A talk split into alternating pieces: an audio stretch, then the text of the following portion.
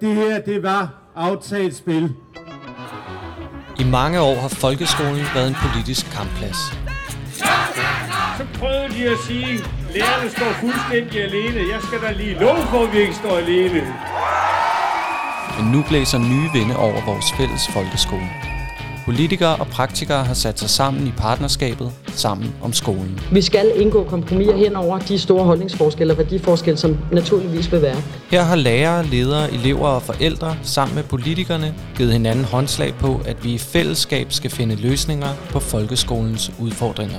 Vi har landet øh, en aftale, øh, og det er elementer og ting, som der i mange år har været også øh, meget stor øh, diskussion og i øvrigt også uenighed om. Men hvad er det for udfordringer, skolen står overfor? Hvordan skal vi finde de fælles løsninger, vi ikke tidligere har kunne finde? Og kommer mere samarbejde til at rykke noget som helst? For lærerne, for eleverne, ja, for hele folkeskolen. Det ser vi nærmere på i vores podcastserie Skole laver vi sammen. Lyt med, når Danmarks Lærerforenings formand, Gordon Ørskov Madsen, inviterer en række skolefolk ind for at tale om folkeskolen, om samarbejde, om udfordringer og løsninger. Velkommen til.